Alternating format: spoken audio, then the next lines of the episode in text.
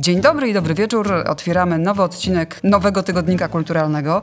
Jesteśmy w Centrum Kultury Filmowej imienia Andrzeja Wajdy. Patrzę na e, moje wspaniałe koleżanki, wspaniałych kolegów, którzy za chwilę ujawnią się e, głosowo. Czy dzisiaj jesteśmy jakoś specjalnie przygotowani do tego spotkania z naszymi słuchaczami? No, to ptatpa, ptatpa, szybko. Tarcz, taru, tarcicę, tak, tak, tak, jak tak, tak, tarcicę, tar, tak, taru. A ja robię tak. Ja jestem przygotowana, zdradzę to e, nieco później. Zanim jednak przejdziemy do rozmowy o sztuce i o tym, jak się przygotowaliśmy do dzisiejszego spotkania, to jak zawsze dziękujemy wszystkim, którzy słuchają Nowego Tygodnika Kulturalnego. Dziękujemy tym, którzy wspierają nas e, w serwisie Patronite. E, Dziękujemy Wam za to, że możemy czytać, oglądać, słuchać, kłócić się i podawać dalej naszą wiarę, że życie bez sztuki nie byłoby po prostu tak interesujące, jak może być. A dzisiaj przy wspaniale suto zastawionym stole nowego tygodnika kulturalnego wśród owoców i innych skarbów do jedzenia Ola Salwa. Dzień dobry, chciałam powiedzieć, że wszystkie e, warzywa są z polskich sadów i owoce, które tutaj stoją. Oczywiście tak. Mamy też wodę źródlaną z kranów warszawskich. Jak to było? Warszawska woda? Kranówka. Kranówka. Warszawska kranówka. Karolina Felberg, dzień, Dzień dobry. dobry. No a ty jak się czujesz dzisiaj? Z czym przyszłaś do nas? Ja mam kawę, obawiam się, że nie jest z polskich sadów i tu się martwię. Za to będzie, będzie ciekawie, jeżeli chodzi o literaturę, więc poczekamy, zobaczymy. Magda Sendecka, obok mnie, po prawej stronie. Dzień dobry. Dzień dobry.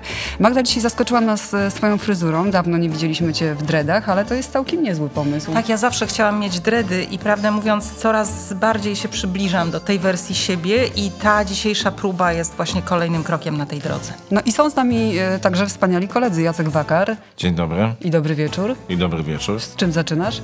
No ja na diecie, wiesz, Aha, muszę czyli się optymistycznie ograniczać. nastawiony, Muszę dobrze. się ograniczać. I tak. Jacek Kopciński. Dobry wieczór, dzień dobry. Dzień dobry, dobry wieczór. No Jacek jest uśmiechnięty, więc z Jackiem wszystko się uda.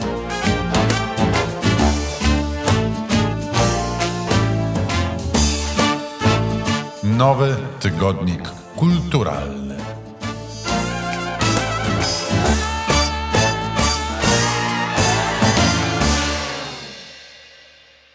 Zaczynamy od kina i zaczynamy od filmu Palm Springs. To co właściwie? Która z was e, chce ten film wprowadzić? Ola podnosi Szybsza rękę byłam, do sorry góry. Magda. Trzeba było nie, nie No dobra, dobra. sobie tych dreadów, bo ci rękę zablokowały. Nie, w kieszenie włożyłam ręce i to był ten błąd. Proszę bardzo, start. Max Barbakow to jest e, takie nazwisko, które powinniście zapamiętać. To jest reżyser filmu Palm Springs. Film był pokazywany wprawdzie już e, ponad rok temu na festiwalu Sundance. E, To jest takie święto kina niezależnego, co jest najlepszym właściwie hasłem wprowadzającym do tego filmu, bo rzeczywiście to jest takie, ja bym powiedziała, wzorcowe amerykańskie indie. Film zrobiony z relatywnie niewielkim budżetem, który jest zrobiony jak pod linijkę. Wszystko tam się zgadza. Gdybyśmy zrobili analizę scenariusza, to podejrzewam, że w każdej minucie na ekranie wydarza się to, co powinno się wydarzyć według wszystkich prawideł. Ale o co tutaj chodzi? Mężczyzna jedzie ze swoją narzeczoną na wesele i poznaje tutaj e, siostrę panny młodej. Już od razu rozpoznajemy, z kim mamy do czynienia. Są to takie typy e, z amerykańskiego właśnie kina niezależnego. On jest takim śmieszkiem, ona jest zneurotyzowana, ma e, problemy z wyzwaniami wczesnej dorosłości, bym powiedziała. Generalnie oni w, są w takiej sytuacji, że mm, wszystko wokół nich e, jest powtarzalne. Że jest Dzień Świstaka. No jest Dzień Świstaka, no zdradźmy ten koncept, bo to on- się, to się Ale to okazuje w pierwszych tak powiem, 10 minutach i we wszystkich jest to zapowiedziach to jest. To jest moim zdaniem grubym błędem, bo ja na przykład tego nie wiedziałam idąc na ten film, ponieważ ja unikam takich informacji. Uważam, że to y, sprawiło, że nie miałam takiego kwaśnego podejścia jak Jacek Wakar, który tutaj siedzi i ewidentnie emanuje niechęcią do tego filmu. Nie zdradzajmy jeszcze e, kart, które ma Jacek. E, Kontynuujmy opowieść na razie prawie obiektywną. No dobrze.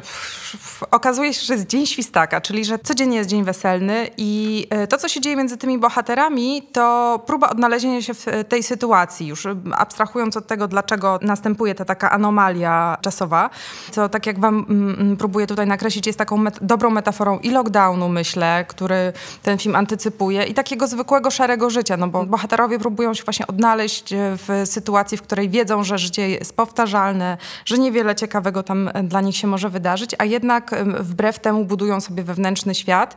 I dlatego uważam, że ten film jest wart obejrzenia, jest bardzo wdzięczny, bardzo wesoły, nie jest irytujący przez taką swoją właśnie neurotyczną manierę, która y, czasem się właśnie za mocno objawia w tych amerykańskich filmach. Andy Samberg, który gra główną rolę męską, y, dostał nominację do Złotego Globu. Powiem wam, że to jest taki film, który robi dobrze. Ale bawiłaś się, śmiałaś się na tym filmie? Bez przerwy. Powiedziałam, o Boże, to jest moje życie. To jest naprawdę moje życie. Bo oni dostają też szansę na to, żeby eksperymentować. Dla mnie to był ciekawy e, wątek i właśnie rozbawiający. Czyli wiedząc, że e, właściwie nie ryzykują, mogą zaryzykować wszystkim. I e, ta, ta część mnie niosła. No, ja w ogóle jestem zachwycona tym filmem, ponieważ weszłam do kina Muranów z jakiejś tego akurat dnia ponurej Warszawy, owianej smogiem. Wyjątkowo ponurej Warszawy. Wyjątkowo ponurej Warszawy. Dzisiaj mamy słońce, wtedy było okropnie. I wpadłam e, w pustynię słoneczną, e, rozświetloną i w ludzi, którzy się po prostu bawią znakomicie tym, co robią. Bo z tego, co mówisz, Ola, to trochę równie dobrze mógłby, mógłby to być opis ciężkiego dramatu egzystencjalnego. Natomiast ten ciężki dramat egzystencjalny tam jest zamieniony na fajerwerki i jest zamieniony fantastycznie, bo tam mamy cytaty, słuchajcie, z różnych gatunków i z różnych e, kultowych filmów, ale wszystko jest tak przyprawione, jeśli już odnieść się do naszej kulinarnej tutaj scenografii, że naprawdę chce się za tym podążać i naprawdę jest zaskoczenie.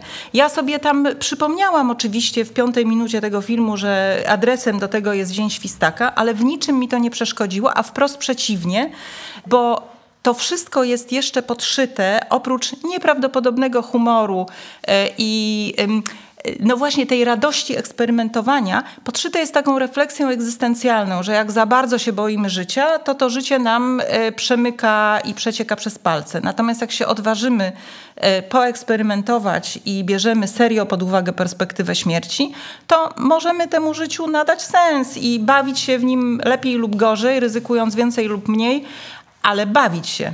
Ja ten film oglądałam na gazie spowodowanym e, wyjściem do kina w ogóle i to było moje pierwsze wyjście do kina po bardzo Tak, ja długiej tak przerwie. miałam. w związku z tym myślę, że to promieniuje na opinię. E, Nie udzieliło się to Jackowi, jak wynosimy z twoich westchnień. Jacek Wakar zbliża się do mikrofonu.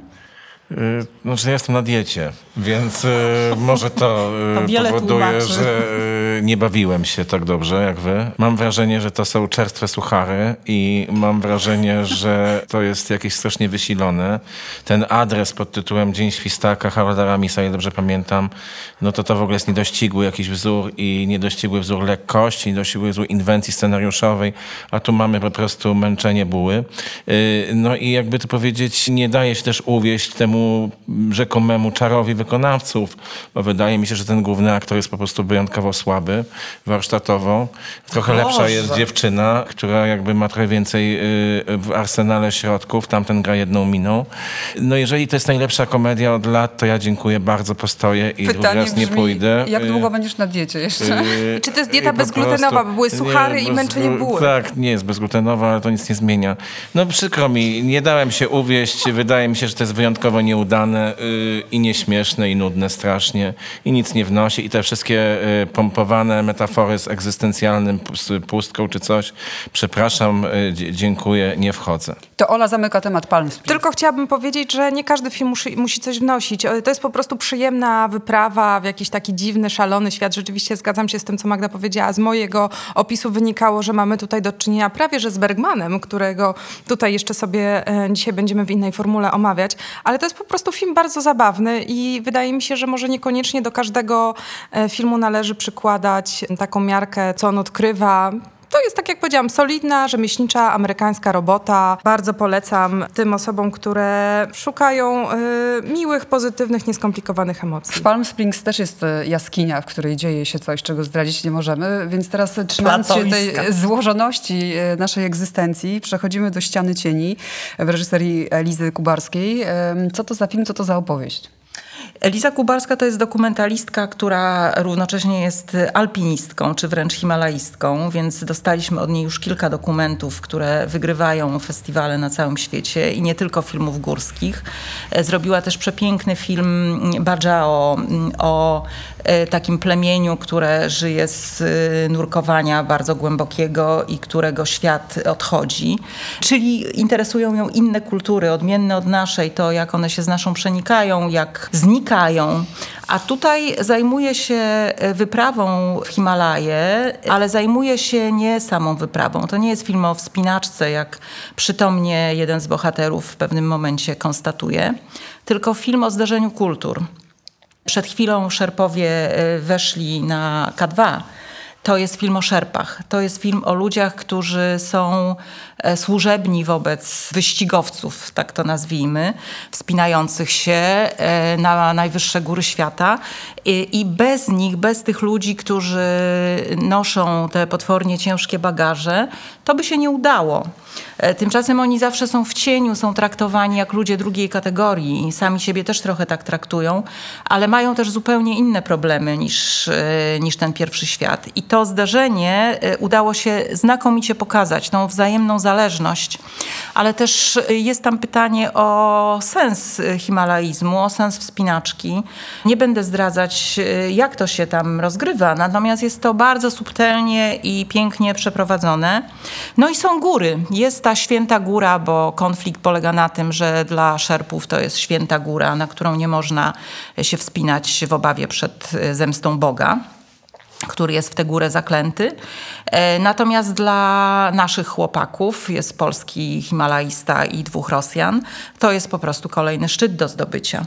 E, I napięcie e, tak, tak stworzone niesie ten film, a z drugiej strony to jest taka rzecz kontemplacyjna, oparta też na narracji. Z OFU mamy piękną legendę tamtejszą, która buduje strukturę tej opowieści.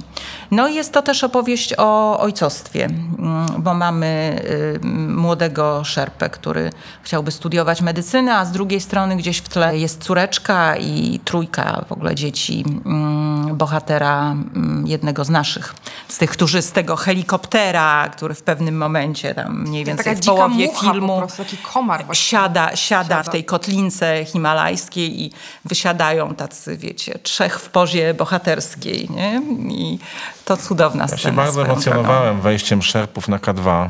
Y, Kompletnie mnie nie y, przeszkadzało, czy oni wchodzą za pomocą tlenu, czy bez tlenu. I w ogóle rola szerpów y, w Himalajzmie jest jakoś przemilczana, czy też w ogóle nie, niedowartościowana, y, mimo trzeba też oczywiście sobie jasno powiedzieć, że idea, ideami, ale za tym też w przypadku szerpów również stoją pieniądze, bo oni sowicie na tym zarabiają, mimo że mieszkają tak, jak mieszkają bohaterowie tego filmu.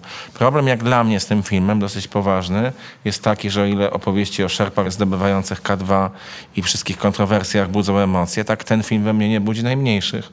Poza wrażeniem, że oglądamy niestety coś, co staje się zmorą kina dokumentalnego w ostatnim czasie. To znaczy stworzył się już według mnie taki gatunek, który należałoby nazwać kinem etnograficznym i którego ja bym zakazał w pewnym sensie. To znaczy jest to gatunek podszyty taką pseudoempatią, yy, a tak naprawdę oglądamy niestety dosyć jałową pocztówkę, yy, która nie wnosi niczego, bo sprowadza się do yy, sterty banałów. To, rzeczywiście ładnie wygląda i udaje coś więcej niż jest, ale jak dla mnie ani te myśli o ojcostwie i ta cała relacja, ale to nie z winy bohaterów, tylko niestety z winy reżyserki, która jak dla mnie upupia tę opowieść yy, w sposób dosyć drastyczny. Są piękne obrazy, jest kilka poruszających scen, oczywiście ogrom gór i całego tego świata jakoś robi wrażenie, ale nie zmienia to faktu, że ja oglądając ten film, zainteresowany tematem, mam wrażenie zmarnowanej szansy. A nie, ja bym, jeżeli mogę, ja bym bronił tego filmu jednak. To znaczy, Czyli mamy Jacek kontra Jacek, bo skończył mówić Jacek Wakar. A potem będę mówić ja. rzeczywiście no, można sobie wyobrazić bardziej dramatyczny scenariusz, ale właśnie taki bardziej dramatyczny scenariusz wydałby mi się banalny. To znaczy, kiedy byśmy wyostrzyli konflikt między szerpami a tymi ścigantami. E, Kiedy byśmy e, pokazali, jak silne jest duchowe przywiązanie szerpów do tej góry i nie są w stanie oni złamać swojego e, podejścia. Przecież tak się nie dzieje. Odprawiają swoje rytuały po to, żeby jednak zarobić te pieniądze. I też jakbyśmy pokazali, jak, nie wiem, bezwzględni są ci europejscy himalaiści, jak poniżają swoich szerpów, to też się nie dzieje. Zauważcie, że y, ta wyprawa się nie udaje. Oni się wycofują y, z różnych powodów.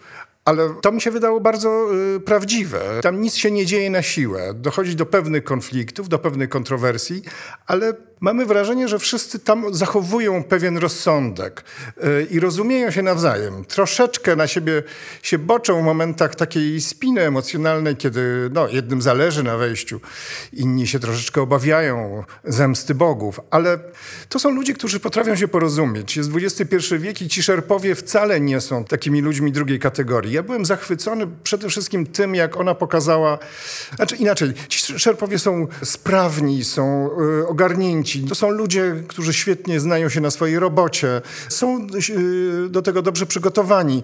Te różnice nie są aż tak wielkie, jak, jakbyśmy się ich spodziewali. I gdybyśmy je rzeczywiście wyostrzyli, film może by był bardziej dramatyczny, ale chyba mniej prawdziwy. Karolina? Przyroda przyrodą, ona jest odwieczna i ona tam sobie jest, natomiast te konflikty, właśnie troszkę tak, jak to powiedział Jacek.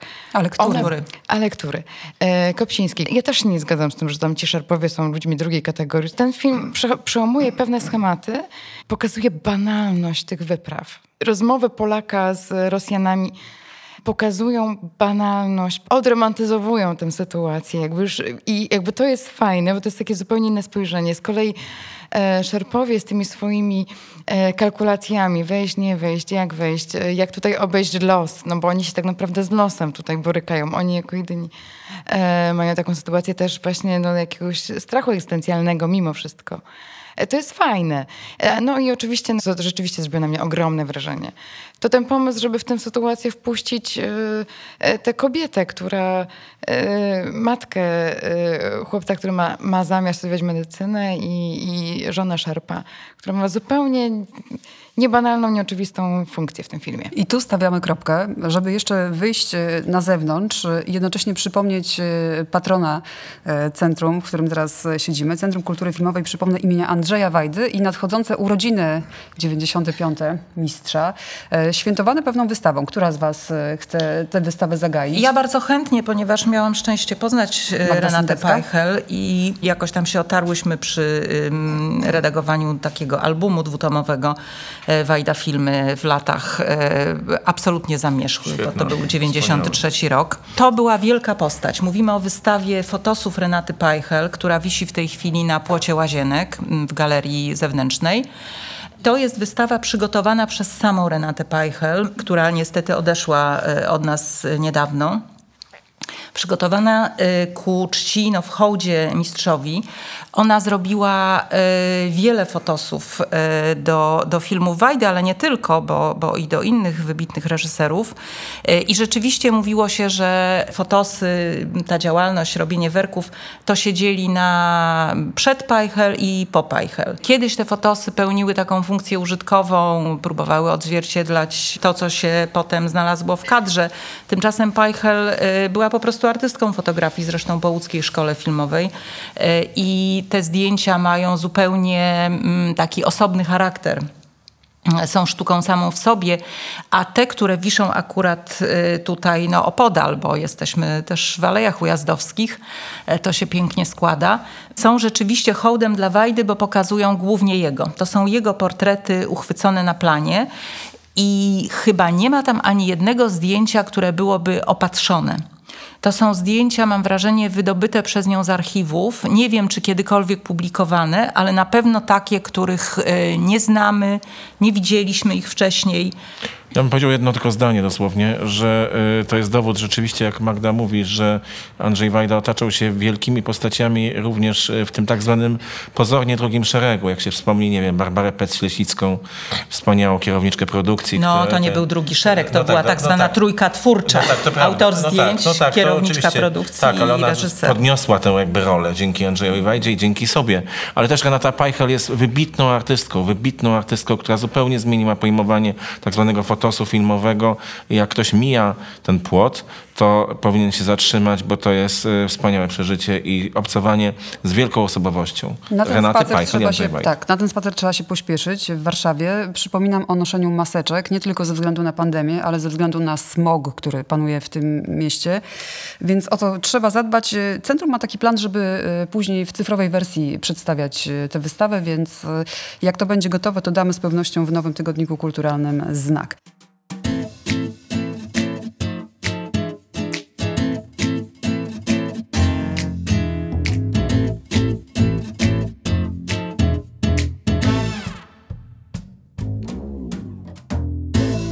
No i teraz wyjaśni się, dlaczego właściwie siedzimy dzisiaj przy suto zastawionym stole i dlaczego e, dieta Jacka, jedzenie, które nas otacza i to wszystko połączy się, bo właściwie mogłaby tu wejść taka postać, która by powiedziała, że a teraz tu będzie inaczej, nie? że tutaj za chwilę wszystko pozmieniamy.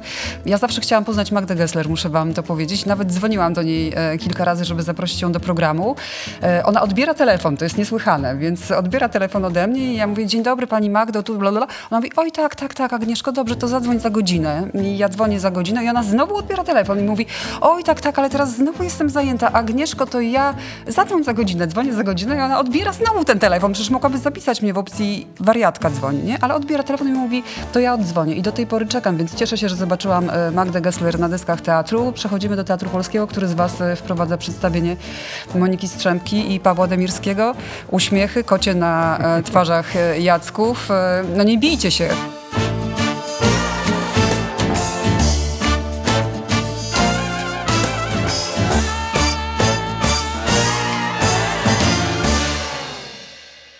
Nie, no to, Nie, nie będziemy się bili. Mnie się wydaje, że to jest, y, że to był świetny pomysł. Magda Gessler to jest y, Ikona. ikona, Bogini, papieżyca. osoba, która wyrusza w Polskę prowincjonalną swoją energią, czasem swoich włosów. bezczelnością y, rzuca tych biednych restauratorów na kolana, ale potem podaje im rękę, podnosi ich i y, historia kończy się szczęśliwie. Sprząta ich życia i ich lokale. Polska jest- się zmienia, robi się nowocześniejsza, bardziej europejska. I oto Demiński wymyślił e, scenariusz, czy też dramat, e, który komplikuje taki obraz. Oto Magda Gessler jest po prostu bezradna wobec tego, co stało się w małych miasteczkach, na wsiach, w Polsce prowincjonalnej. Polska prowincjonalna po prostu stawia się Magdzie Gessler. To jest y, opowieść o tym, jak zmienia się polska prowincja. Y, opowieść o tym, że burmistrz właściwie y, czuje się jak prezydent Polski y, i ma do tego podstawy, bo w jego powiecie jest opera, jest y, nawet wyższa sz- uczelnia. Y, W związku z tym możemy mieć nowe elity, nie musimy oglądać się na elity warszawskie albo krakowskie. Demirski dotknął czegoś, co rzeczywiście dzieje się i w Polsce, ale także za granicą. Wpada w pewnym momencie nazwisko Trumpa. I to byłoby fajne, gdyby wykonanie teatralne było lepsze. Moim zdaniem y, to prawie czterogodzinne przedstawienie nie wytrzymuje, e, nie wiem, problematyki czy też y, nadziei, jakie oni wszyscy pokładali w tej opowieści. To jest y, zbyt długie, zbyt rozbudowane. Scenografia y, przerasta temat, przerasta y, tekst. Nie wiem, obrotówka w polskim się nie zatrzymuje. Mamy jakieś monumentalne kolumnady, które w pierwszej części wirują, w drugiej części leżą na scenie, co zresztą to jest motyw powtarzalny bardzo tego duetu. W Krakowie y, coś takiego zrobiono także z Wieżą Mariacką w jednym z przedstawień. Mamy długie sceny choreograficzne, moim zdaniem niewiele wnoszące. Tak jak gdyby ten świetny teatr dramatyczno-kabaretowy szukał jakiegoś monumentalnego wyrazu, niepotrzebnie, zupełnie niepotrzebnie. Ja się po części zgadzam, a po części gdzie indziej upatruję przyczyn jednak honorowej porażki tego przedstawienia, tak bym to nazwał. To znaczy mam wrażenie, że tutaj głównym winnym jest jednak Paweł Demirski. To znaczy, że teatr zrobił ile mógł z tym tekstem. Prawdopodobnie niewiele mógł więcej. Yy, Co do wykonawstwa w ogóle bym się nie czepiał, bo ono, szczególnie od strony aktorskiej, wydaje mi się najmocniejszą stroną tego przedstawienia. Natomiast mam problem z potwornie przegadanym, i to nie pierwszy raz w Teatrze Strzemki i Demirskiego, po prostu scenariuszem. I mam wrażenie, że tu na poziomie pracy nad tekstem przydałyby się nożyczki. Tu oczywiście jest tak, jak mówisz, ale jest coś więcej. Monika Strzemka i Paweł Demirski próbują opowiadać dalej swoją historię o podzielonej Polsce. I Magda Gessler jako ta ikona y, telewizyjna, ale jakieś sumienie dziwnego społeczeństwa, bo nie wiem czy narodu, ma być lustrem, w którym te podziały szczególnie widać. Tyle tylko, że my tę historię już oglądamy, może bez Magdy Gessler poprzednio, po raz kolejny i mam wrażenie, że o ile to w dawnych przedstawieniach, typu imię, w imię Jakuba S. na przykład, y, w Teatrze Dramatycznym jeszcze, żeby się cofnąć do prehistorii, czy z rzeczy nowszych, w przedstawieniu, które niezwykle cenię, które zostało zbudowane, jak mówiliśmy, ku takiemu złamanemu, powiedziałbym, pokrzepieniu serc, mówię o Triumfie Woli ze Starego Teatru y, w Krakowie, to wybrzmiewało z pełną siłą. Tu mam wrażenie, że tej siły temu widowisku ogromnemu rzeczywiście. Mam wrażenie, że rzeczywiście reżyserka zachłysnęła się po raz drugi, tylko że w Królu to było wytłumaczalne, a tu staje się sztuką dla sztuki, także technicznymi możliwościami ogromnej sceny teatru polskiego. Nam się wszystko dzieje i niestety nie dzieje się przy okazji nic, ale tym, co mam y, na obronę, no to są rzeczywiście aktorzy. Eliza Borowska jest fantastyczna y, i to zarówno w realistycznym podpatrywaniu Magdy Gessler, jak i w tym czymś takim, że ta rola staje się metaforą Magdy Właśnie to Gessler. jest super, to przechodzenie więcej. pomiędzy pastiszem a Fenomenalne. Wspaniała rola Lizy Borowskiej, świetna rola Marty Nieradkiewicz i znakomite dwie role aktorek teatru polskiego, y, które z takim repertuarem się do tej pory nie kojarzyły, czyli myślę o Joannie Trzepiecińskiej, y, wykonturowanej niezwykle ostrej, Grażynie Barszczewskiej, która niby przychodzi z innego świata, a w tym świecie się świetnie y, odnajduje. To oczywiście będzie hit. Jak ktoś wytrzyma 3,50 w teatrze polskim, to może mu się częściowo to będzie podobało, ale mimo wszystko w kategoriach y, szlachetnej porażki, tak bym to nazwał. To ja, ja tego nie widać, ale ja kiwam głową na to, co mówi Jacek. Natomiast muszę dorzucić jeszcze dwa słowa. Paweł Tomaszewski jako dobra partia, e, czyli burmistrz, prezydent. Dla mnie to jeszcze jest, nie wiem, diabeł, jakiś Iwan Karamazow, no można sobie szukać. Bardzo mi się podobał. I- I Marta Ojrzyńska jako wieczna asystentka nie swoich spraw również.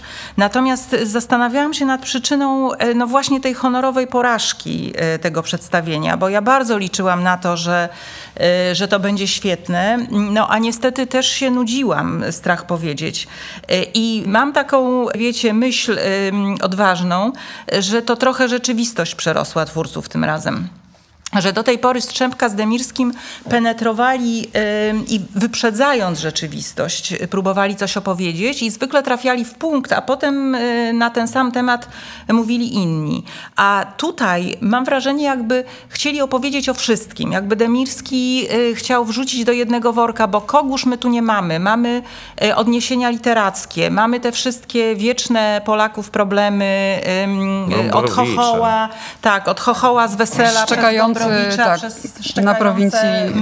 szczekającą Martę Nieradkiewicz i tak dalej, i tak dalej. I że y, to się przestało kleić, ale się przestało kleić nie tylko na poziomie teatralnym, ale na poziomie rzeczywistości. Y, I y, ja, dla mnie to jest przedstawienie smutne, ponieważ ono jest o bezradności o bezradności twórców, którzy nie zapanowali nad tą materią, ale o bezradności nas wszystkich, którzy jak patrzymy na to, to no nie wiem, mnie tam ręce opadają, nie wiem jak wam. Mm, Ale wiesz co, zauważ jeszcze, to jest zresztą bardzo ciekawe, że na przykładzie tego przedstawienia mo można pokazać, jak teatr polski z powodu pandemii no, właściwie zatrzymał się, przestał reagować na rzeczywistość. Oni wracają z opowieścią sprzed pandemii. Widać wyraźnie, że to było wymyślone wcześniej i że mm, oni udają, że nic się nie dzieje. Tak, nic to się prawda. Nie stało. Myślę, że to jest E, jedna z przyczyn, Trochę jest tak, jakbyśmy em, oglądali wznowienie spektaklu sprzed dwóch lat. Ja muszę powiedzieć, że y, niesłychanie stępiłam swój y, krytyczny, jak rozumiem, pazur. Może nigdy go nie miałam, e, ale ja oczywiście będąc w teatrze pierwszy raz po przerwie, ekscytowałam się nadmiernie wszystkim, e, ale też wyszłam z różnymi przemyśleniami, które były na niekorzyść tego spektaklu, ale też z y, licznymi, za które chciałabym podziękować. I powiem jeszcze coś, myślę, trudniejszego. Ten duet Pawła i Moniki jest swoim największym napędem i największym przekleństwem i w tym przypadku właśnie e, myślę, że to zadziałało. Tak sobie wyobrażam, czy w ogóle jest możliwe, żeby Monika powiedziała, Paweł, słuchaj, musimy wyrzucić e, jedną trzecią z tego tekstu. Moja teza jest taka, że e, to nie jest tak do końca wykonalne. Przechodzimy do kolejnego przedstawienia. Jedziemy do Poznania na Czerwony Nosy w reżyserii Jana Klaty. Jacek Wakar. Y, No właśnie, powiedziałeś, że y, teatr po pandemii jest innym teatrem. Znaczy, ja mam nadzieję kiedyś, że paradoksalnie to, z czego czynimy jest zarzut wobec przedstawienia Strzępki Demirskiego, y, kiedyś przestanie być zarzutem, to znaczy wrócimy do normalnego teatru. I oglądając najnowsze przedstawienie Jana Klaty, które też powstawało podczas pandemii, w lockdownie, bo jak wiadomo, teatry mogły próbować, stąd mieliśmy ten nieprawdopodobny i mam nadzieję, że on się utrzyma, bo kiedy Państwo nas słuchają, to już wiedzą, czy teatry będą działać, czy nie będą wciąż mam głęboką nadzieję, że będą, bo jak jest udowodnione, nie w teatrze się ewentualnie zarażamy, czy nie w kinie. I mam nadzieję, że rządzący to wreszcie zrozumieją. Y, Ale y, i stąd był ten ogromny wysyp premier. Y, Instytut Teatralny podał, że w ciągu 10 dni otwarcia teatrów pojawiło się ponad 35 premier w różnych teatrach, na których było blisko 60 tysięcy ludzi, a to są dane z poniedziałku ostatniego. Więc to jest... Obawiam to się, jest że te dane dla ministra zdrowia mogą być właśnie No ale nie było żadnego udowodnionego przypadku i to, że ludzie poszli do teatru i znaleźli im wspólnotę, y, co zresztą podkreślał nawet wicepremier Gliński, powinno działać na tak, no ale rozmawiamy nie znając rozstrzygnięć.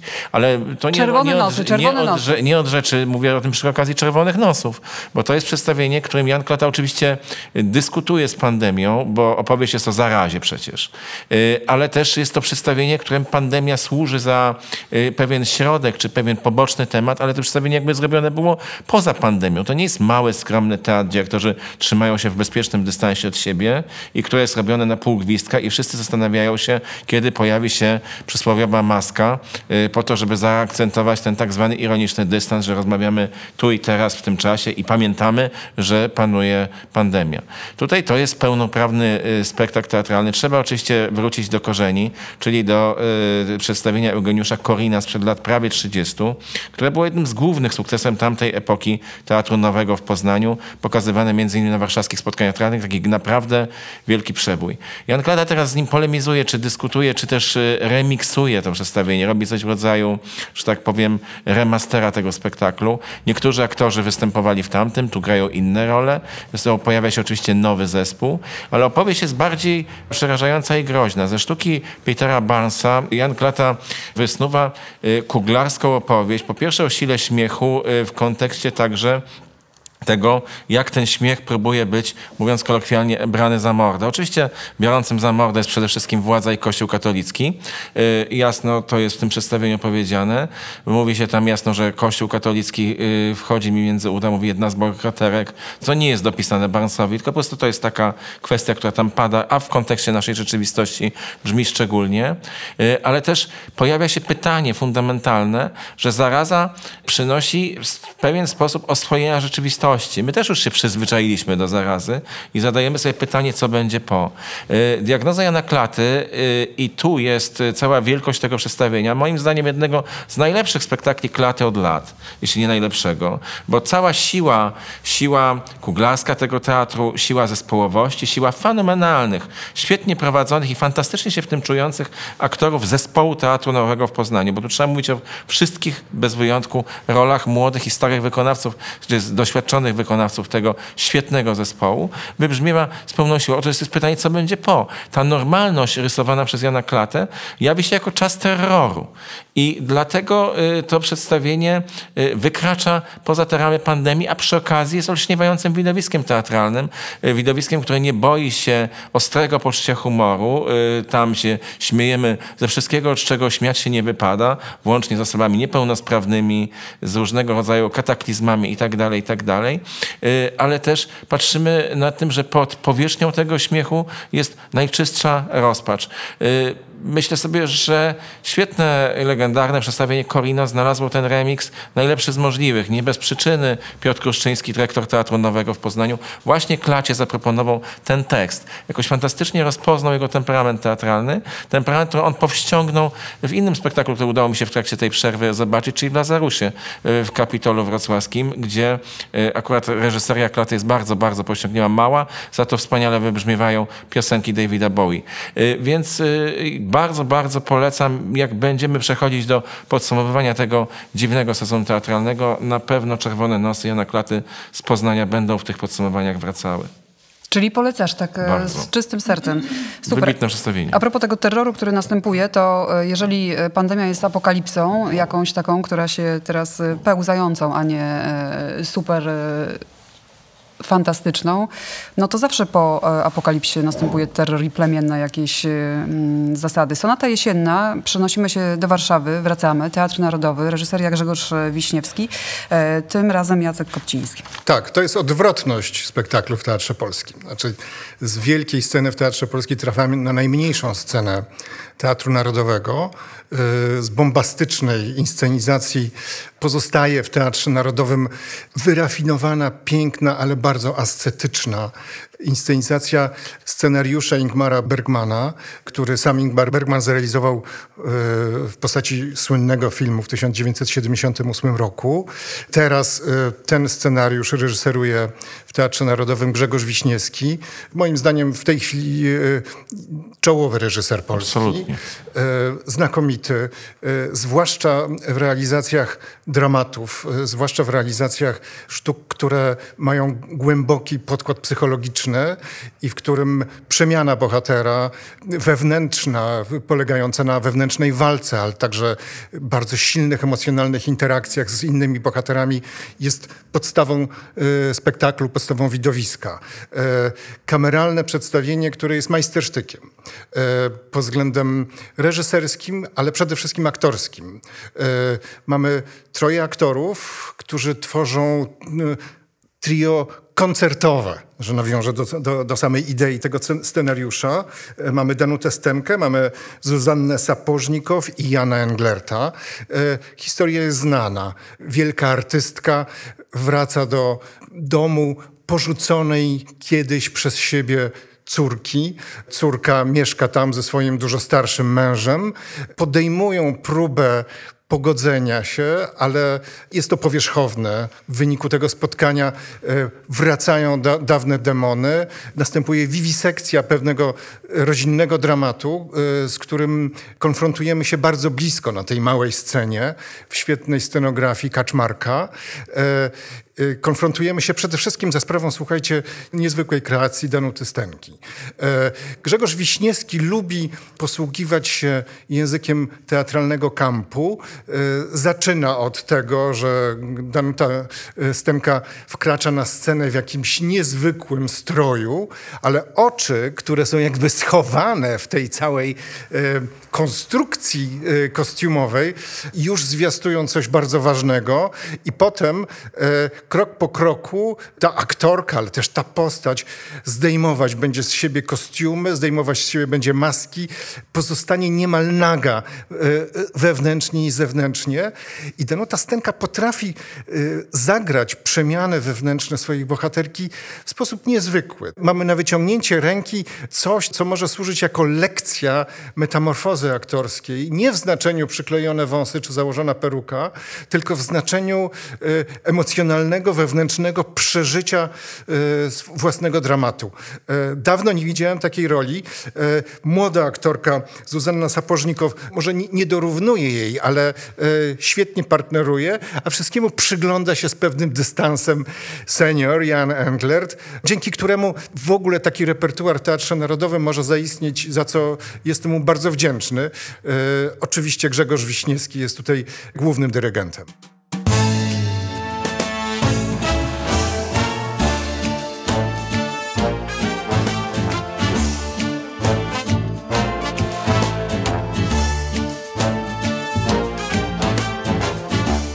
Przechodzimy do sekcji muzycznej. Bardzo chyba krótko dzisiaj ją przejdziemy.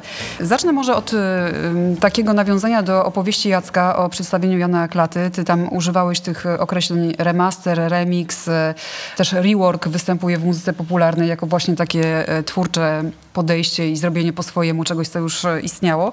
Chciałam zaznaczyć e, dla wszystkich, myślę, na całym świecie kochających zespół e, Vampire Weekend, że właśnie taką świetną lekcję, czym może być rework, można e, przeżyć, słuchając płyty 4042, która powstała w oparciu o taki króciuteńki utwór z ostatniej płyty tego amerykańskiego zespołu pod tytułem e, 2021. To jest taki utwór z 2019 roku, w którym oni antycypowali, jak będzie wyglądał świat bez Trumpa. Udało im się.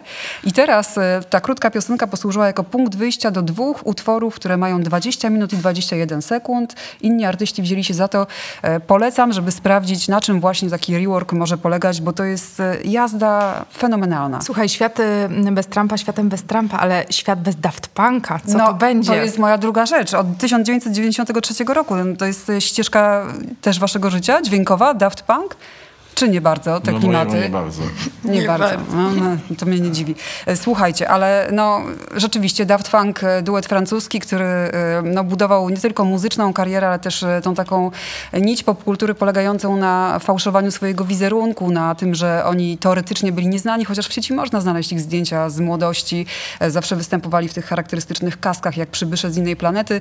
Teraz nagrali krótki film, wrzucili go do sieci. Jeden z nich się wysadza na tym filmie w powietrze, drugi zostaje i gdzieś idzie w stronę horyzontu. Co z tego wyniknie, e, nie wiem, ale mnie to osobiście frapuje. I gładko przechodzę do płyty, która już tutaj zorientowałam się, że Jackowi chyba się nie bardzo podobała Wakarowi, e, czyli płyty Madliba, e, Sound Ancestors. To jest płyta takiego amerykańskiego producenta, rapera, multiinstrumentalisty, która jest czymś, co też bardzo chciałam wprowadzić do waszego życia, czyli jak można, będąc człowiekiem o głowie kwadratowej, kimś, kto ma hiperprodukcję muzyki, e, dzielić się swoim archiwum, bo tak naprawdę mamy tutaj do czynienia z taką płytą. E, Gościa, który ma tak dużo utworów, że postanowił swojego przyjaciela, Forteta, poprosić o to, żeby ten został kuratorem jego zbiorów, wybrał jakieś utwory i skomponował z nich e, płytę.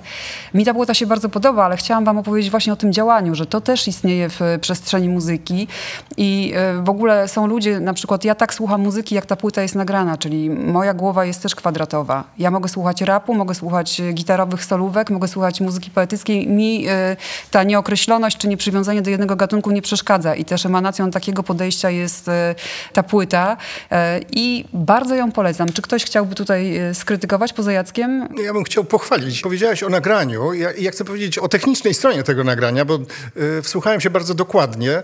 To jest bardzo ciekawa kompozycja. Myślę o zakomponowaniu całego tego albumu. Takim centrum tej y, opowieści muzycznej jest sekcja rytmiczna. Świetnie na różne sposoby wykorzystywane instrumenty perkusyjne i bas, a wokół tego, w tej aurze muzycznej, y, krążą najróżniejsze tematy muzyczne, najróżniejsze style. Y, Jesteśmy w Afryce, jesteśmy w Stanach Zjednoczonych, jesteśmy w Azji. Głosy i pogłosy. Y, To jest tak wciągające, jakbyśmy rzeczywiście uczestniczyli w, na żywo w takim raperskim, nie raperskim, DJ-skim y, wykonaniu tego ożywianego archiwum muzycznego. Świetne. Dokładnie tak, na tym to polega, na umiejętności takiego łączenia smaczków i e, wrzucania. E, no i jeszcze jedna płyta, płyta, która bardzo się podoba w e, Polsce i też jestem ciekawa, czy posłuchaliście drugiego albumu Kwiatu Jabłoni. To jest e, siostrzano-braterski duet e, Kasi i Jacka Sienkiewiczów, e, którzy idą swoją drogą i ta droga w Polsce się bardzo e, podoba publiczności. Oparta na autorskich kompozycjach, oni obydwoje komponują i piszą teksty, e, grają no też e, dzięki wykształceniu muzycznemu, ale przede wszystkim dzięki takiemu wychowaniu muzycznemu nasiąkali od najmłodszych lat tym, że muzyka jest sposobem wyrażania siebie i kontaktu z innymi. Myślę, że całkiem intrygująco na naszym rynku muzyki popularnej próbują pogodzić właśnie rozrywkę z opowieścią o świecie, do czego myślę mają pełne prawa, ponieważ no, też e, bardzo ciekawie o tym świecie myślą, są zorientowani, wiedzą gdzie są zagrożenia, wiedzą e, przed czym chcą przestrzec. E, To jest dla mnie bardzo taki interesujący konglomerat. No to jest bardzo fajna płyta, y, bardzo fajne piosenki. Y, znaczy, szczerze mówiąc, ja tego drugiego dna y, nie, nie odnajduję tam jakoś bardzo wyraźnie. Wydaje mi się, że to są super fajne piosenki, bardzo najczęściej chwytliwe, bardzo dobrze zrobione. Wydaje mi się, że ta płyta świetnie brzmi. Nie wiem, kto ją produkował, ale brzmi świetnie. Instrumenty są czytelne, głosy brzmią doskonale. Jeden jakiś ro- rodzaj niedosytu jest taki, że wydaje mi się, że o to się nie do końca rozwija. To znaczy, że oni się osadzili jednak, być może dla specjalistów te jakieś y, promile zmian y, są dostrzegalne. Z mojego punktu widzenia jednak oni wykształcili swoją własną stylistykę. Ta stylistyka jest fajna, y, nie można się przyczepić. Jest tam jedna piosenka, która jest super, nazywa się Buka. I ona jest ponad całą resztę, nie tylko z powodu skojarzeń literackich, ale dużo, dużo wyżej. Natomiast cała reszta to są po prostu fajne piosenki. Jeśli komuś to wystarczy, a mi w tym przypadku raczej tak, no to bardzo fajnie. Ale Ja, myślę, tylko że użył to jest... słowa fajnie sześć razy. Chciałam No tylko to- zaz- No zaznaczyć. tak, bo to fajna płyta właśnie jest, powiem po raz siódmy. Siedem. 7. Przepraszam Magda, że ci wpadłam e, e, w słowo, ale skoro już jestem przy mikrofonie, to tylko chciałam powiedzieć, że ja absolutnie kupuję taki rodzaj przy, przydymionej czy przygaszonej emocjonalności. Ja bardzo lubię, dla mnie to jest w ogóle taki sposób, w jaki komunikuje się to pokolenie dwudziestoparolatków, że jednak w ich życiu nie ma takich dramatycznych wydarzeń. No w tej chwili no, pandemia trochę to zmieniła i to mi się wydaje bardzo spójne z taką opowieścią o świecie, w którym jednak emocje bardzo mocno buzują, natomiast nie mają takiej bardziej bym powiedziała wybuchającej czy efektownej formy do wyrazu i ja Kwiat Jabłoni z przyjemnością wysłuchałam i, i będę, będę śledzić. Nie wiem, czy pójdę na koncert, bo będę czuła się jak babcia, Nie będziesz. Właśnie to jest muzyka, która łączy pokolenia. Magda? No ja właściwie chciałam powiedzieć to, co powiedziała Ola, że wydaje mi się, że to jest głos pokolenia i że to jest właśnie język, którego potrzebują ci młodzi ludzie, tłumnie wypełniający sale koncertowe. Ja trafiłam na Kwiat Jabłoni y, w przedziwny, nie, nie wiem czy w przedziwny sposób, w fajny sposób, żeby y, użyć jeszcze raz tego słowa, bo oni zaśpiewali piosenkę, już nie pamiętam czy Klejfa czy Kalusa y, i w ten sposób y, że jest taki duet y, z dziewczyną o aksamitnym, y, wspaniałym głosie y, i że śpiewają bardzo fajne A rzeczy. nie Ta płyta wrażenia, to że- jest sama przyjemność. Nie macie wrażenia, że ten... Koniec z przyjemnościami. Widzę że głos tego pokolenia jest bardzo infantylny. Nie, nie, nie, nie jest Ale Poczekaj, przepraszam poczekaj, poczekaj, daj Jacku, mi to ja- skończyć. Ale to jest infantylne pokolenie i wiesz, oni w tym infantylizmie swoim Nie, no tak nie można mają, e, Tak nie można z tym powiedzieć. mają Nie problem. zgadzam Ale na się ani z jednym, ani No właśnie, na czym by polegał infantylizm? Poczekajcie. Nie możemy mówić dobra, naraz. Polega na, polega na tym, co śpiewają, jak śpiewają. Nawet sam głos wokalistki jest bardzo dziecięcy. Zwróćcie uwagę, że, że jest słodziutki, nie zmienia się. Brakuje mi tam jednak y, odważniejszej ekspresji. Brakuje mi pewnego buntu, pewnej zaczepności, zadziorności. Zgadzam się, że i pewnie macie rację, że to przylega jakoś do y, świadomości tego pokolenia, ale tym bardziej mnie to rozczarowuje. Chciałbyś mieć inne pokolenie. Nie, Nie, nie, nie. To, nie. to nie jest kwestia pokolenia. Właśnie nie ma tutaj tej różnicy. Ja nie czuję różnicy, o której te e, Agnieszko wspomniałaś, tylko właśnie czuję coś takiego, taką odnawialną potrzebę, że każde pokolenie opowiada siebie przez swoją własną bajkę. No i nie wiem, w latach 50. puchatkizm. Dzisiaj, proszę bardzo, buka. Proszę bardzo. Chodzi mi o to, że to jest taki rytm, który właśnie wraca co pokolenie. Właśnie nie jest żadną rewolucją, tylko właśnie takim powrotem.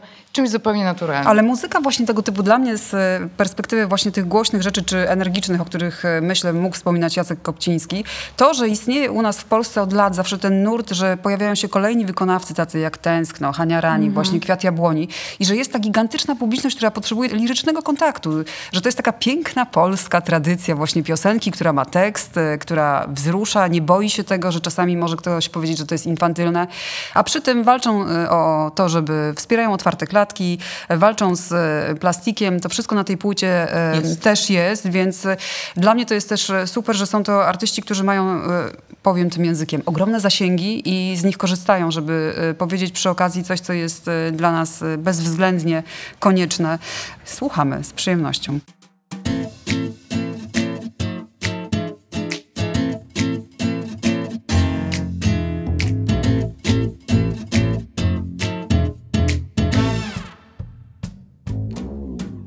Przechodzimy do książek. Chyba jedyne środowisko, które nie zostało tak dotknięte przez e, pandemię, chociaż nie wiem, no to Dostało Karolina. targi, Dostało, tak? ta, oczywiście targi, książki, wiesz, wydawcy się wstrzymują z, z premierami. No, ale jest ich bardzo dużo wciąż. No, ale Oczywiście, jednocześnie że nie tak dużo, mocno pewnie jak, jak teatr czy jak kino, ale... Książka na telefon, książka na wynos. e, Możliwości też chociażby zakupów były dosyć intrygujące. Karolina, od czego zaczynamy? No, skoro, słuchaj, Kwiat Jabłoni zrobił to, co właśnie się dzieje na tych płytach lirycznych, że zawsze na końcu jest piosenka o tym, że zaraz przyjdzie zima, no to może od zimy.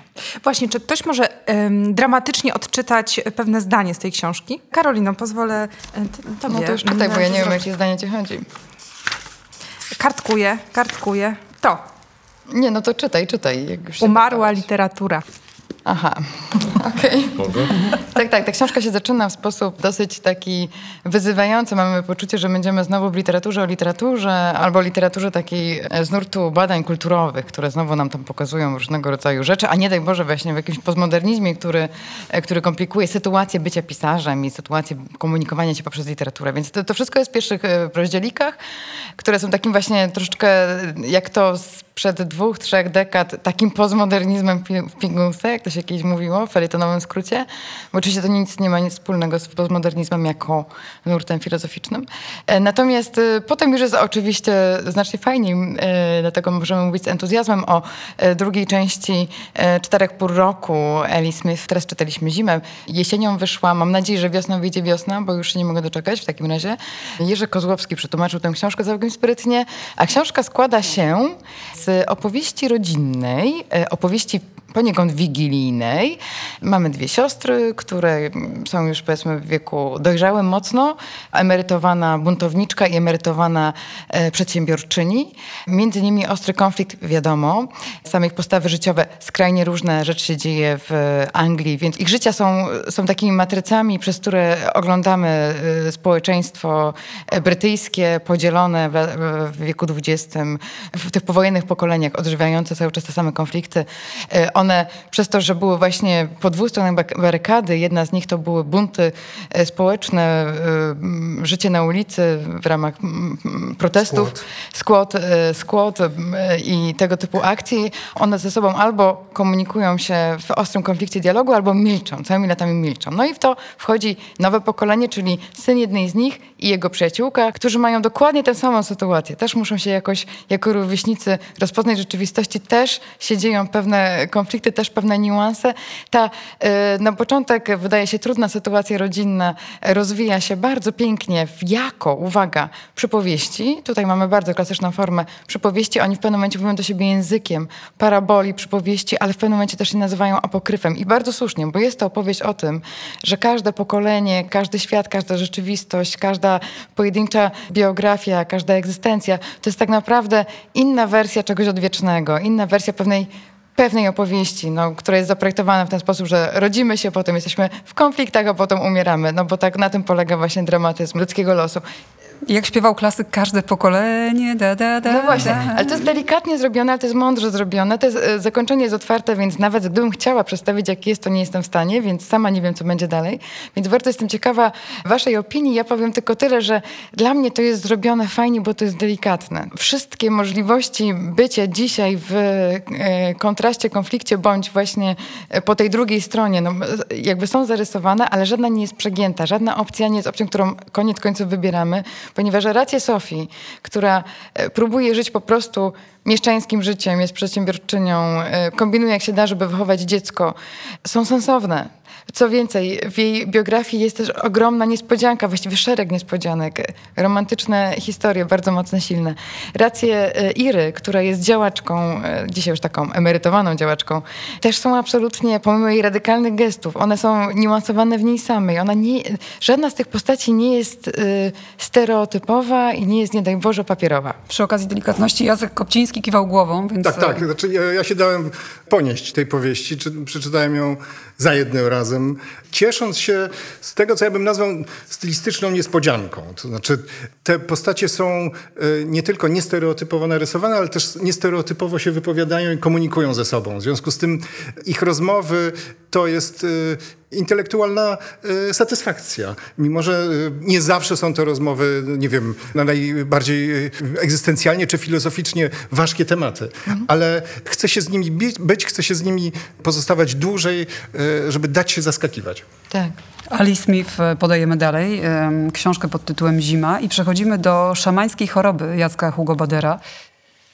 To mi się dzisiaj rymuje. mówi, e, Mi się to- rymuje dzisiaj z wieloma naszymi wątkami. Tak, tak, tak. Tutaj nie ma żadnej niespodzianki. To, co mamy w tytule, mamy w środku, czyli opowieść o szamanach. Jacek Hugo Bader wyjechał, zwiedził e, różne zakątki syberyjskiej tajgi, pozbierał tam historie rozmaitych szamanów, mniej lub bardziej wiarygodnych. Te historie też są opowiedziane w różnych temperaturach i też w mniej lub bardziej wiarygodny sposób. No tu też by się przydały nożyczki. Wtedy, wtedy byśmy byli w o wiele ciekawszej sytuacji jako czytelnicy. Natomiast to, co mi się podoba, to jest to, że e, Hugo Bader nie udaje, że szamanizm jest skomplikowaną e, kategorią, bo nie jest to na pewno religia, na pewno to nie jest e, filozofia, na pewno nie jest to zawód. Jest to sytuacja kulturowa i jest to wyznanie poznawcze dla nas. Nierozstrzygane zupełnie. Nie, nie da się powiedzieć, czy szamanie naprawdę mają tę moc, czy tylko są tak sugestywni, że macie, mają moc jako placebo. Znaczy, To placebo nas, nas uzdrawia. E, On jakby tę swoją fascynację kontrastuje z wątpliwościami, e, e, szuka szamanów, którzy mają uznanie lekarzy medycyny konwencjonalnej, konfrontuje te sytuacje jeszcze z lekarzami medycyny niekonwencjonalnej, czyli mamy te wszystkie możliwości azjatyckie, bo Azja w odróżnieniu od Europy cały czas funkcjonuje w wielu porządkach jednocześnie, niekoniecznie z nimi nawzajem walcząc. E, W, w Azji, e, on to mówi wprost, w Rosji jest jakaś ogromna ilość e, lekarzy na głowę i właściwie sytuacja... Mieszkańca. Tak, na głowę mieszkańca. Ponieważ ci lekarze właśnie, to nie wszyscy to są dyplomowani lekarze po Akademii Medycznej, ale to nie znaczy, że to jest coś złego, bo jakby to jest kwestia tego wyboru. Czy idziesz do homeopaty, czy idziesz do lekarza po studiach wyższych, czy idziesz do e, bioenergoterapeuty. No, w każdym razie on opowiada dosyć o tym uczciwie. Ja, ja tą książką nie jestem rozczarowana, przeciwnie. Może właśnie tym, tym napięciem, które gdzieś tak w, po, w połowie trochę siada, bo te po, historie już się zaczynają jakby e, opowiadać na zasadzie kolejnego przykładu tego samego. E, ale tak czy siak, e, szereg możliwości, jakie tkwią w szamanizmie i to, że to nie jest system, więc, więc każda emanacja szamana, każdy szaman, to jest inny kompletnie byt, to jest innego rodzaju przypadek, tak, to jest mniej lub bardziej wiarygodne, to jest bardzo różne. To mnie bardzo przekonało. Ja bym powiedział, że za chwilę będziemy rozmawiali o książce Wygnaniec z Arturem Domosławskim i Artur Domosławski i Jacek Hugo-Bader tak na moje oko reprezentują dwa zupełnie przeciwstawne podejścia do reportażu. Zawsze fascynował mnie Jacek Hugo-Bader y, także faktem, że jakby to powiedzieć, on tworzył i dokumenty i coś, co byśmy językiem kina nazwali mockumentami troszkę. Y, te jego opowieści troszkę jednak pisane są pod tezę, a także pisane są pod obecność demiurga, którym jest sam Jacek Hugo-Bader. To są reportaże jednak, w którym obecność autora, który tę sytuację jakoś wywołuje, czy ją katalizuje i tak dalej, jest bardzo mocno obecna. Wydawało mi się, że y, w tej książce też tak jest. Y, Słusznie zauważasz, że te opowieści czasem są mniej, czasem są bardziej wiarygodne. Ja sobie tak czasem myślę, że Jacek Hugo-Bader być może, jak to się teraz pięknie mówi, oszczędnie chwilami gospodaruje prawdą y, po prostu. Nie wiem, czy mnie to przekonuje. Mam wrażenie, że czytałem znacznie lepsze książki Jacka Hugo-Badera już w życiu niż ta, ale jeśli ktoś się da tematowi samemu uwieść, ja może mam z tym jakiś problem, y, no to na pewno to przeczyta z y, przyjemnością. Zwróciłaś uwagę, że to debiut oficyny wydawniczej samego autora. Trzeba sobie jasno powiedzieć, że bardzo, że tak się wyrażę, porządny y, ze zdjęciami, y, z dbałością o tę także stronę edytorską. Z dużą satysfakcją to także można odnotować, chociaż y, element kreacji samego autora wydaje mi się także nad tą książką troszkę chwilami ciążyć. No tak, ale ja bym jednak tutaj się przyczepił tego sformułowania oszczędnie gospodaruje prawdą, e, ponieważ zaangażowanie, zaangażowanie Hugo Badera, znane nie od dziś, przecież zdarzało mu się nawet przebierać e, i udawać e, kogoś innego, wiadomo, by, by głębiej, wcielając się właśnie w, w jakieś osoby, by głębiej zanurzyć się w mikrospołecznościach. E, to zaangażowanie w życie ludzi, o których pisze, nie oznacza przecież, nie musi oznaczać e, fałszowania. Nie, ich- oczywiście, ich, masz e, rację. Ja e, ten. świadectw. Mnie bardzo to zainteresowało, że współcześni Rosjanie, a mam wrażenie, że Hugo Bader od lat w z Rosji nie wyjeżdża po prostu, że współcześni Rosjanie, jeśli chodzi o stosunek do, do szamanizmu, nie dzielą się na oświeconą, europejską, racjonalną część wielkomiejskiego społeczeństwa i jakąś ciemną część z dalekiej prowincji. Taki niestety podział tam bywa i to jest podział wręcz rasistowski, ale on się tutaj nie ujawnia. E, Szamanami są ludzie, którzy wykonują najróżniejsze zawody, od lekarzy, nawet psychiatrów, przez taksówkarzy, a z drugiej strony aktorów, inżynierów i tak dalej, i tak. Szamanizm demokratyzuje to społeczeństwo w jakiś dla nas zaskakujący sposób, ponieważ e, oznacza jednak przekraczanie granicy, do, do której my się ledwo zbliżamy, no jednak w takim naszym współczesnym, nowoczesnym e, sposobie myślenia, współczesnej mentalności. A to, co jest super, to jest też to, że Hugo Bader nie udaje, że szamani to są ludzie, którzy e, przywiązani są do pewnych idei, do pewnych opcji politycznych, e, czasami służebnych, służebni, czasami mniej służebni wobec kogoś czegoś. To są właśnie ciekawe rzeczy, że nam się wydaje, że to jest taki człowiek, który stoi na straży zupełnie innych wartości, a się okazuje, że każdy z nich ma kompletnie inny system wartości. I to jest, to jest fajne w tej książeczce. E, natomiast to, co mnie e, urzekło, to to, że ja nie mam poczucia, że ja e, po tej książce mam temat e, zamknięty czy wyczerpany. Jedyny mój niepokój bardzo głęboki i mocny to to, że e, Hugo Bader bardzo jasno mówi, e, szamanizm ma różne oblicza, ale nie będzie istniał bez tajgi. Więc ta sytuacja, że szaman potrzebuje, potrzebuje natury, a ta kwestia jest kwestią rzeczywiście od szamanów już niezależna, świat idzie w jaką stronę wiemy, że za 50 lat, jeżeli tej tajgi nie będzie, to nie będzie szamanów, no po prostu. Ale nas też, więc ja bym była spokojna. Tak, no to jest inna sprawa, że tak, tak, że idziemy wszyscy na tym samym wózku. No właśnie i e, ponieważ ja, jak już wspominałam, siedzę ostatnio w apokalipsie, w tych tematach, które wiążą się z postapokalipsą, to myślę, że e, po pierwsze w przeciwieństwie do Jacka Wakara ja jestem bardzo gotowa właśnie na takie tematy. E, nie twierdzę, że... Czemu ja powiedziałem, że nie jestem gotowy? Nie, no mówiłeś, że może to nie jest książka akurat dla ciebie, czy coś takiego. No Nie, użyłeś tak jakiegoś takiego ogólnego określenia, No, nic ale... takiego nie powiedziałem moim zdaniem, ale dobra. No to dobrze, to potem cofniemy taśmę i sprawdzimy, jak to ująłeś. E, Nie cytuję, tylko miałam wrażenie, że się dystansujesz do, tego, do tej przestrzeni. Fajna książka. Natomiast e, no, ja jestem na nią gotowa bardzo i myślę, że jest tam coś takiego, co mogłoby być też w jakiejś skrytce w mózgu zatrzymane jako przydatne, kiedy już nie będzie tajgi, nie będzie wszystkich tych rzeczy i będziemy musieli jakoś przetrwać.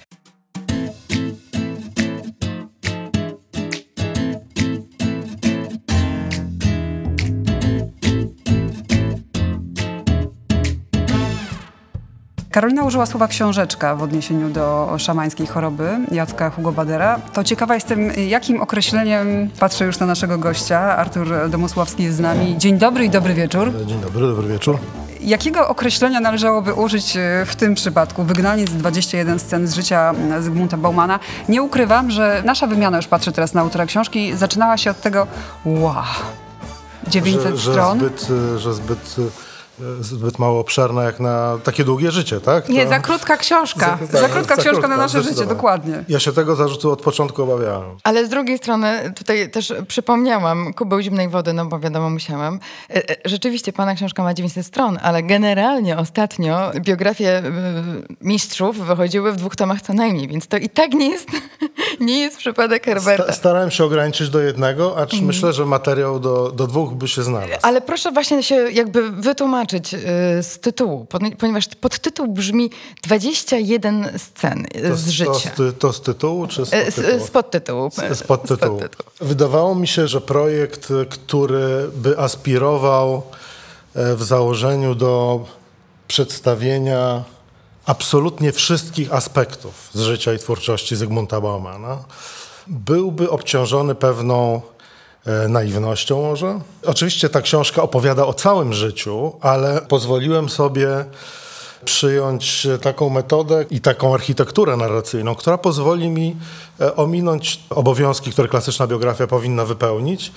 I wynika to też z pewnych przemyśleń na temat tego w ogóle hmm, właśnie czym jest biografia, do, do jakiego stopnia możemy opowiedzieć całość doświadczenia drugiego człowieka.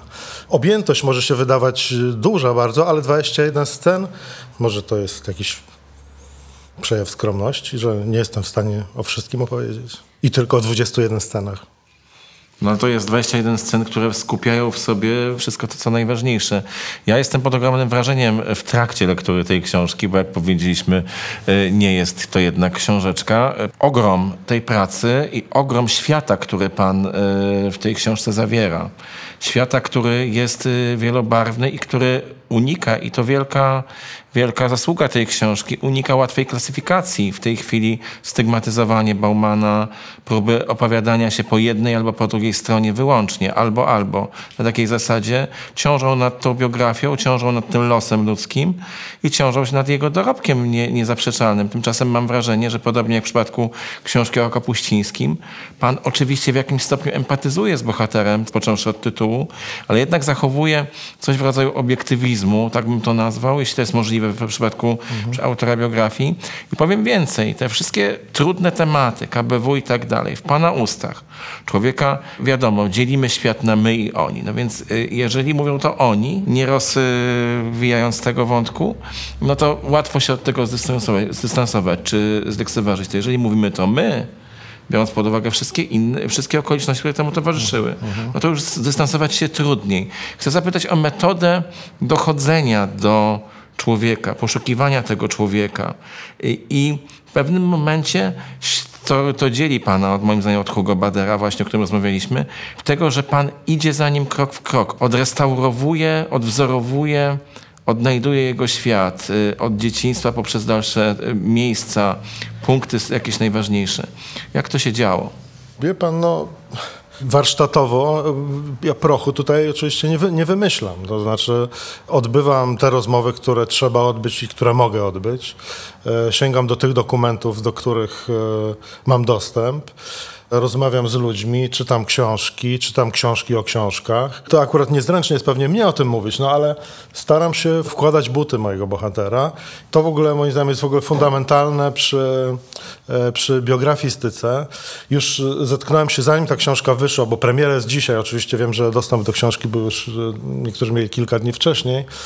E, ale już się spotykam, już się spotkałem, już jakieś inby na Facebooku były na ten temat, e, gdzie ludzie nie, zna, nie znali książki na podstawie jakiegoś akapitu z mojego wywiadu, który uznali, że jest niefortunny. Moim zdaniem nie jest, no ale ich zdaniem jest.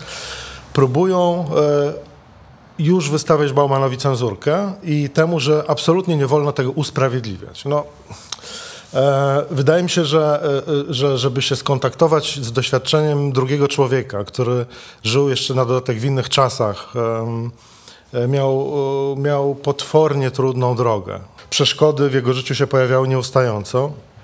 Czyli ja w ogóle nie odnajduję w sobie takiej ani skłonności, ani w ogóle takiej, takiej potrzeby, żeby jego oceniać. Myślę, że jakaś ocena z tej książki się wyłania, czy może, może nie tyle ocena, co taki pomocnik do tego, jak myśleć o takich trudnych sytuacjach, w jakich on się znalazł. No właśnie o to chciałam zapytać, bo ja też będąc w trakcie książki, y, która mnie pochłonęła i która jest dla mnie absolutnie pasjonująca, właśnie y, chciałam podkreślić, że to, co jest dla mnie osobiście bardzo dużą y, wartością, to ten cały kontekst, który pan tak pieczołowicie w detalach przedstawia. Mówię tutaj o tym, jaka była realność jednak gloryfikowanej II Rzeczpospolitej, do której wielokrotnie się mm, odwołujemy jako takiej legendy, że wtedy to było tak wspaniale, ale że wtedy było lepsze życie. Do, do tego, jak pan właśnie rozkłada tutaj e, obie strony powojennej, że tak powiem, rzeczywistości. Tutaj nie będę jakoś za bardzo w to wnikać i chciałam zapytać, na ile to była taka intencja, zanim pan zasiadł do tych dokumentów, żeby jednak pokazać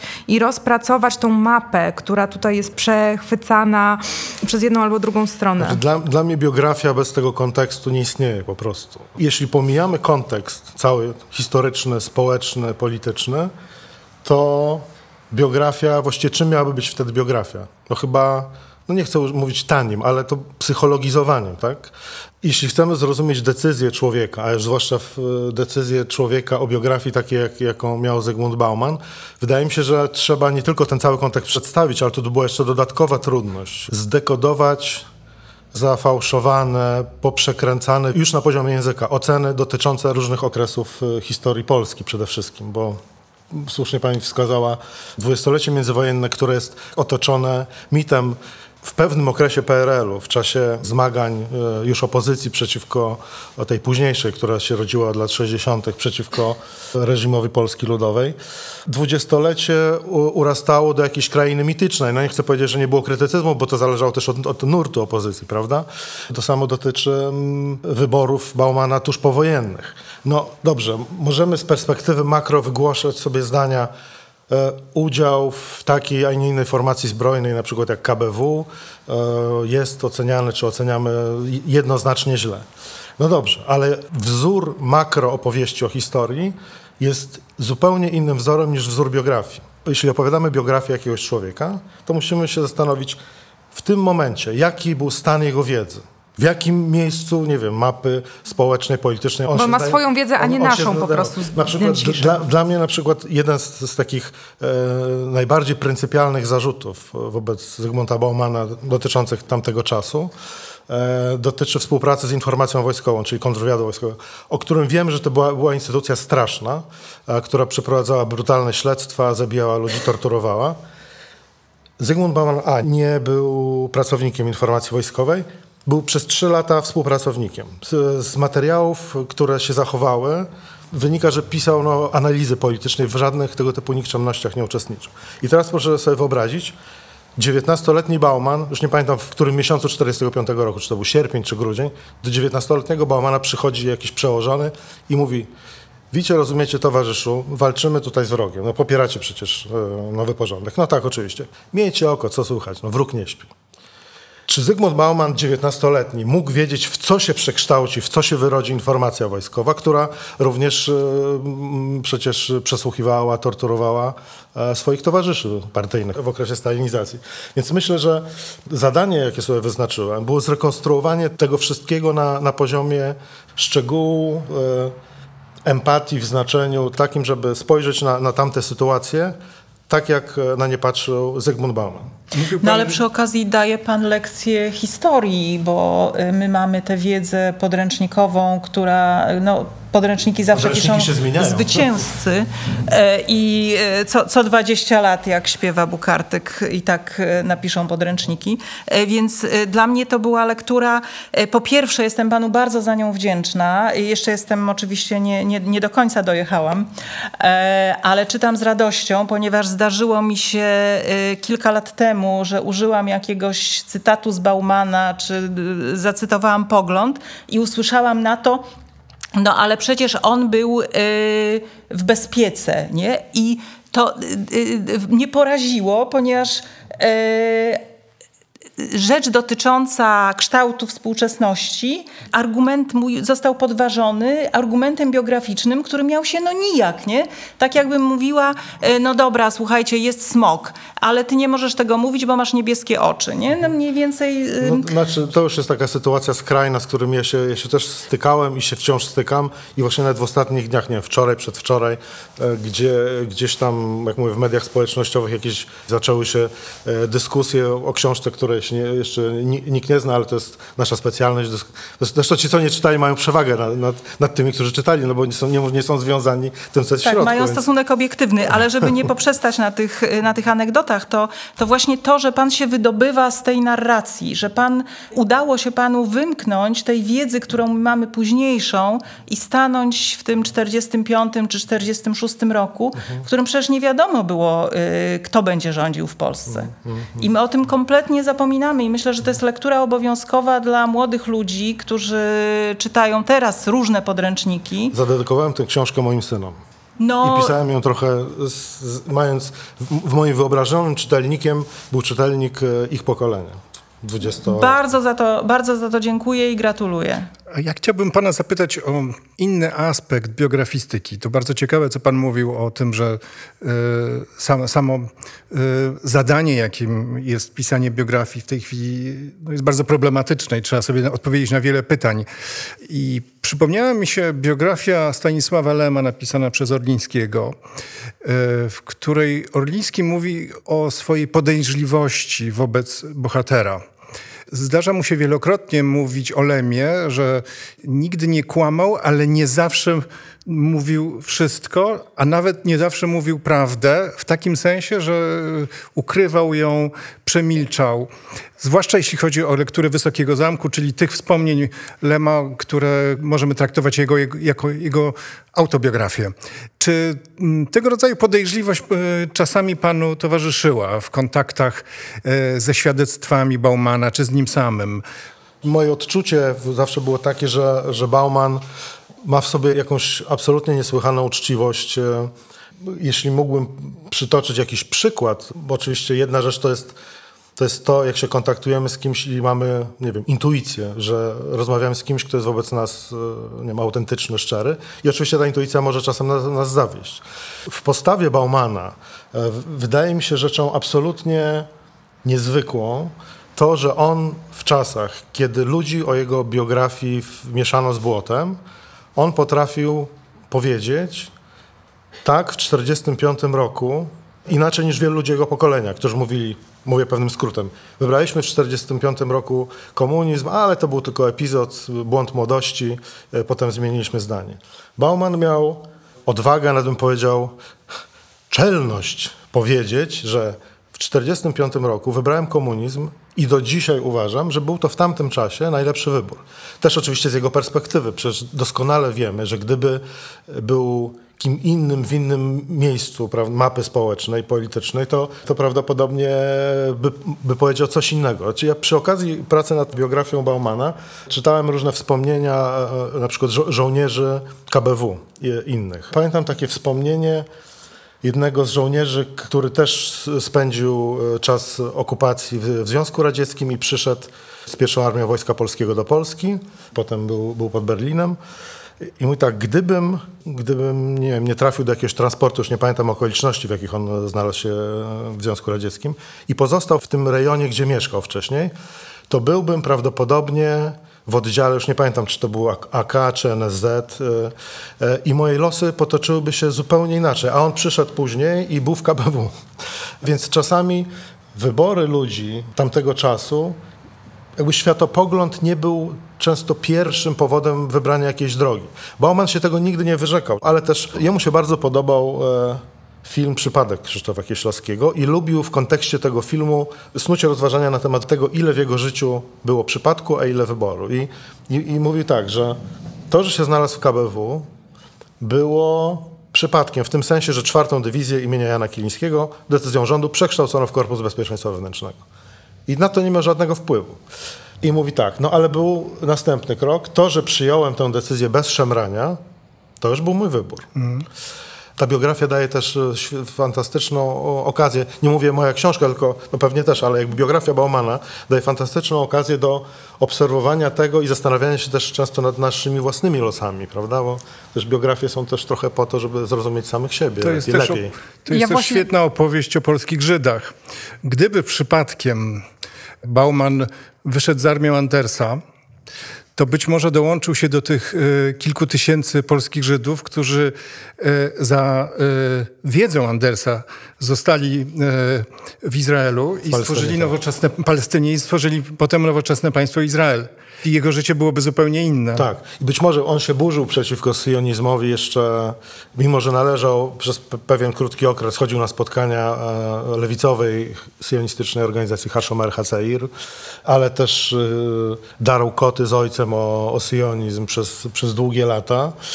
Ta opowieść pewnie by zupełnie inaczej wyglądała, gdyby właśnie tak jak pan mówi, gdyby on na przykład wyszedł z armią Andersa. No w armii Andersa bardzo często nie wiem, odmawiano Żydom. Są wspomnienia Józefa, opowiadanie Józefa Hena na, na, na ten temat, który autobiograficzne, który do armii Andersa nie mógł się zaciągnąć.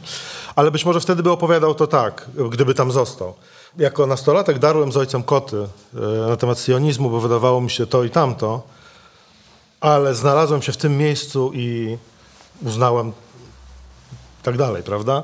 Więc ten element przypadku też e, gra w życiu Baumana ogromną rolę, ale z kolei jego późniejsze wybory i charakter też sprawiają, kim się stał. Przez 68 rok, drugi kataklizm w jego życiu, de facto wygnanie, wygnanie z Polski. Nie chcę powiedzieć, że stworzyło wielkiego myśliciela, ale otworzyło zupełnie inne możliwości, niż by miał, gdyby pozostał w tym PRL-u. Prawdopodobnie byłby jednym e, z partyjnych socjologów, z pewnością należałby do tych o otwartych głowach, e, tak niedogmatycznych. Mm, To zresztą widać było po jego publicystyce z lat, e, z lat 60., gdzie, kiedy propagował socjologię amerykańską, kiedy, kiedy fascynował go marksizm otwarty e, spod znaku Antonia Gramsciego, którego tutaj za bardzo nie, nie lubiano, prawda? To był bardzo nie, niedogmatyczny rodzaj marksizmu, ale to życie kompletnie inaczej by się najprawdopodobniej potoczyło. On zresztą sam mówił, pewnie bym doturlał się do emerytury e, na Uniwersytecie Warszawskim i no, pewnie by dużo publikował, ale myślę, że Emigracja otworzyła mu, może, może na ten wątek zwrócę, zwrócę uwagę. Emigracja i, i w jakimś sensie wygnanie z polskości. Bo Baumanowi odmawiano, odmawiano polskości, a on się upierał, że ta polskość jest istotną, a może nawet najistotniejszą częścią jego, jego tej tożsamości, nazwijmy to na, e, narodowej. Ale ona go uwolniła od, też od perspektywy emigrantów, politycznych, którzy byli zaangażowani w pomoc dla Solidarności. Znaczy, przez to, że on się w to nie angażował, stał trochę z boku, pisywał teksty do emigracyjnych pism, do aneksu, pisywał do kultury paryskiej, ale rzadko. E, myślę, że to stworzyło mu zupełnie unikalną perspektywę. I na przykład w momencie transformacji, e, kiedy wszyscy ludzie, czy większość ludzi o podobnych biografiach, czy nie wiem, Leszek Kołakowski, czy Bronisław Geremek, e, stawiają na transformację powiedzmy w duchu neoliberalnym. Wtedy to, tym słowem się nie posługiwano, dzisiaj się tym słowem posługujemy. Bauman od początku był, y, był krytykiem i ponieważ obserwował, do czego doprowadził Thatcheryzm e, Wielkiej Brytanii. Widział to, widział to przez okno i obawiał się, że ten model transformacji doprowadzi do, do wyrzucenia na margines zbyt dużej e, liczby ludzi. A, a jak mówi jeden z jego aforyzmów, dla tych, którzy, dla zawiedzionych przez cywilizację barbarzyńcy są nadzieją, ale pozostawię to, to zdanie bez komentarza. I to była bardzo ładna puenta. Bardzo dziękujemy za spotkanie, ale muszę Ja zadać dziękuję. jeszcze jedno krótkie e, pytanie, bo cały czas mam w głowie takie echo zdania, które weszło tam z rozmów z Mariuszem Szczygłem i Magdaleną Grzebełkowską o tym, że e, biograf pisze zawsze e, wbrew swojemu bohaterowi, no bo nikt na ziemi żyjący nie zostawia śladów po sobie po to, żeby potem przyszedł ktoś i grzebał w naszych listach i innych Tak. śladach. Czy było coś, co sprawiło kłopot, albo pomyślał pan, że jednak to trzeba zatrzymać, e, zataić, nie ujawnić? Nie, nie. E, Wie pani, to, to jest tak. Zygmunt Bauman, e, jestem niemal przekonany o tym, że obawiał się powstania swojej biografii. Ponieważ dostał w życiu tak bardzo po głowie i, i nawet wśród ludzi, którzy wydawałoby się, że powinni być, nawet jeśli nieżyczliwi wobec niego, to powinni rozumieć te jego wybory. Więc myślę, że on się tego bardzo, bardzo obawiał. Ja kiedyś, kiedyś nawet mieliśmy taką rozmowę i powiedział, no, że najciekawszy w Baumanie jest socjolog. I... Ale to było już w momencie, kiedy mleko się rozlało, kiedy, kiedy był atakowany e, wściekle tutaj, więc myślę, że ta jego obawa jest bardzo zrozumiała, ale równocześnie też na przykład podzielił się ze mną swoimi wspomnieniami, które, które pisał dla córek. E, Więc nie natrafiłem na taką rzecz, która się w tej książce, nie wiem, nie znalazła, a która, się, a która powinna była się znaleźć. Nie, nic takiego nie było. Bardzo dziękujemy za spotkanie Ja z nami w Nowym Tygodniku Kulturalnym. Zamykamy to kolejne spotkanie. E, Nie wiem, czy zwrócił Pan uwagę, jaki mamy e, wybitnie zastawiony stół, te wszystkie tutaj potrawy, e, bogate ubrania, to wszystko. Moje pierwsze wrażenie było takie, że tu jest... Że na bogato, że jest, nie, że tu jest siedem, siedmiu na jednego i przypomniało mi się 7-1 to był wynik meczu... Polska Niemcy, Haiti. Brazylia. Nie, Niemcy, Niemcy, Brazylia. Na, na mundialu w. Brazylii. I, i teraz e, Kto trochę... wygrał? Do przerwy było 5-0 dla Niemców Tak, oczywiście. Niemcy tak. wygrali. No i, to, no, i tak się, Piękny trochę, no i mecz. tak się trochę bałem, że to będzie 7 do 1. No, No ale to co, kończymy jak? Z remisem, czy jakimś takim... no jasne. To do usłyszenia w kolejnym odcinku Nowego Tygodnika Dziękuję. Kulturalnego. Dziękuję Polecamy siebie, e, polecamy oczywiście serwis e, Patronite, e, tam można nas szukać i dzielić się z nami swoją wiarą w to, że sztuka ma znaczenie. Do zobaczenia, do usłyszenia.